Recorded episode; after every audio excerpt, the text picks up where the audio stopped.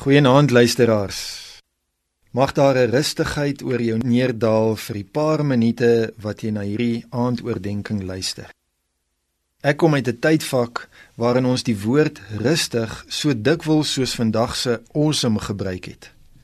As iemand vir jou gevra het hoe dit gaan, het jy net eenvoudig geantwoord rustig. Vanaand wil ek jou daarop wys dat rustig ook 'n Bybelse woord is. Die Here het 'n rustige lewe vir jou in gedagte.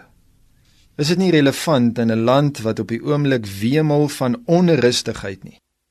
Rustig moet egter nie net vir jou 'n woord wees nie. Nee, dit moet iets wees wat jy doen, waaraan jy werk.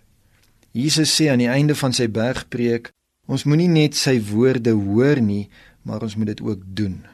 En dit is waarmee ek jou vanaand wil aanmoedig en jou wil help. Kom ons neem nou 'n klein stappie om die woord te doen. In 1 Timoteus 2 vers 1 en 2 gee die ervare Paulus vir die jong Timoteus raad.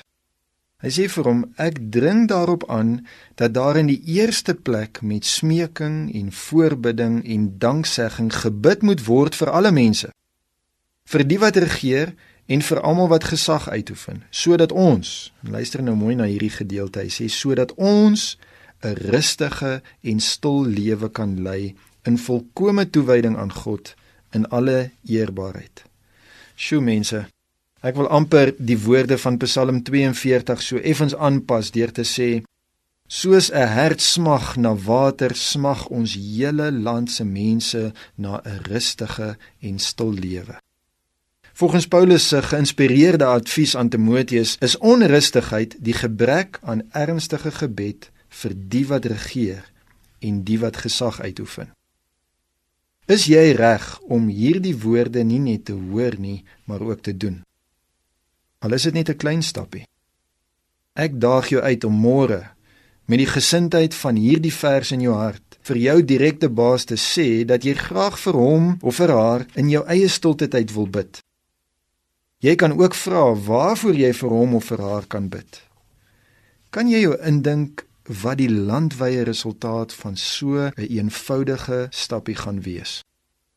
Kom ons doen die woord. En kom ons bid saam. Here, ek bid vanaand vir my direkte baas.